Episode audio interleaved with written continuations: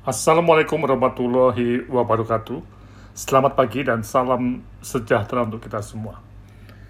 Di pertemuan pertama mata kuliah manajemen strategik dan kesinambungan finansial, saya akan mengawali dengan sebuah pernyataan bahwa organisasi itu seperti makhluk hidup yang mempunyai lingkungan.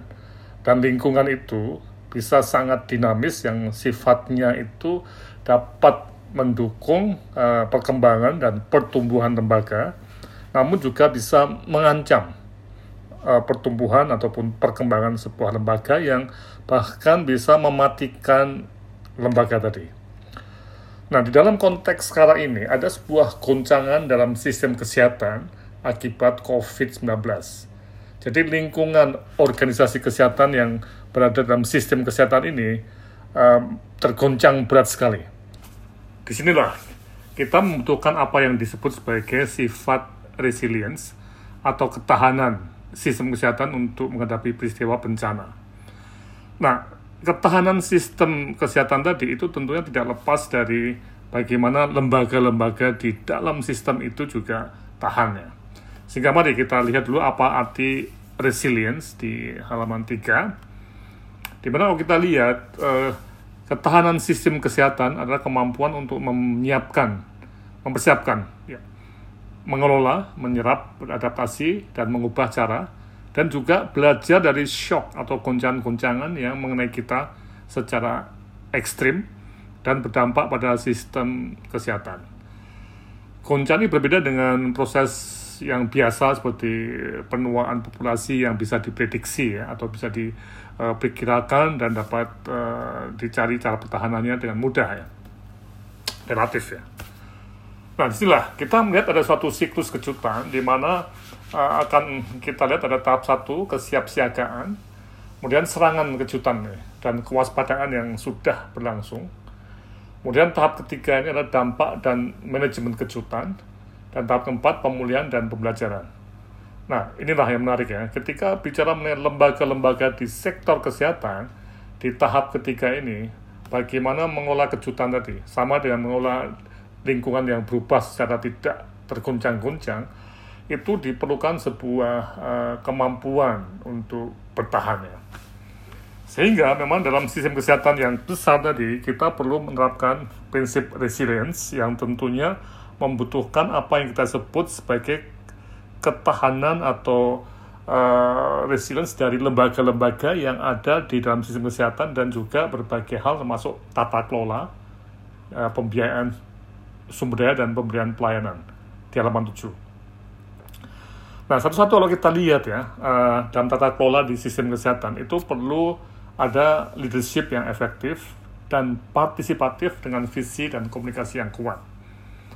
Kemudian koordinasi kegiatan antar pemerintah dan juga pemangku kepentingan utama. Nah ini sangat penting.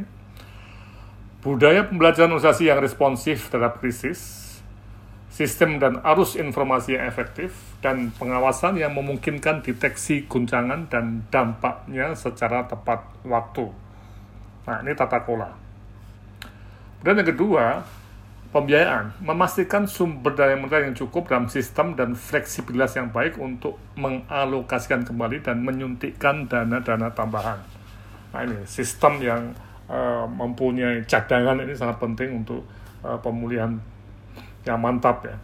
Kemudian memastikan stabilitas pendanaan sistem kesehatan melalui mekanisme dan cadangan pembiayaan kesehatan yang mempunyai fleksibilitas dan kemampuan untuk realokasi pendanaan untuk memenuhi kebutuhan yang berubah-berubah dan cakupan kesehatan yang komprehensif dan yang sekarang ini kita rasakan dalam masa pandemi COVID-19.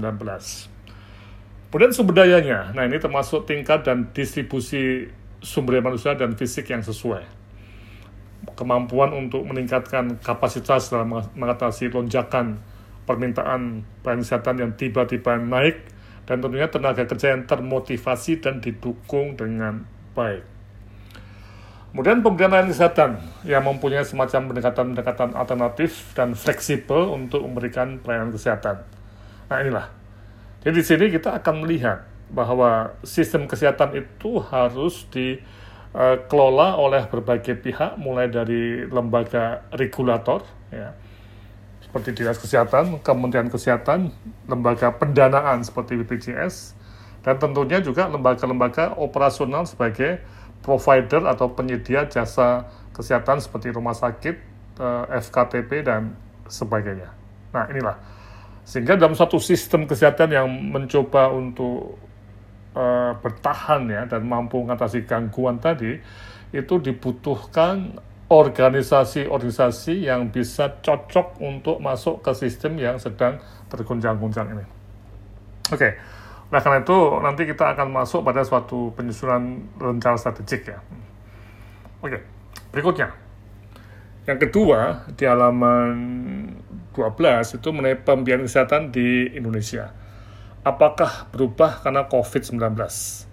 Nah, di sini saya akan minta Mas Fauzi untuk membahas mengenai uh, pembiayaan kesehatan yang kalau kita lihat dalam konteks uh, eh, JKN ini memang mengalami masa yang sering uh, kita sebut sebagai sulit di tahun-tahun lalu, tapi yang menarik tahun 2020 itu ada surplus BPJS sebesar sekitar 17 triliun ya, yang cukup besar.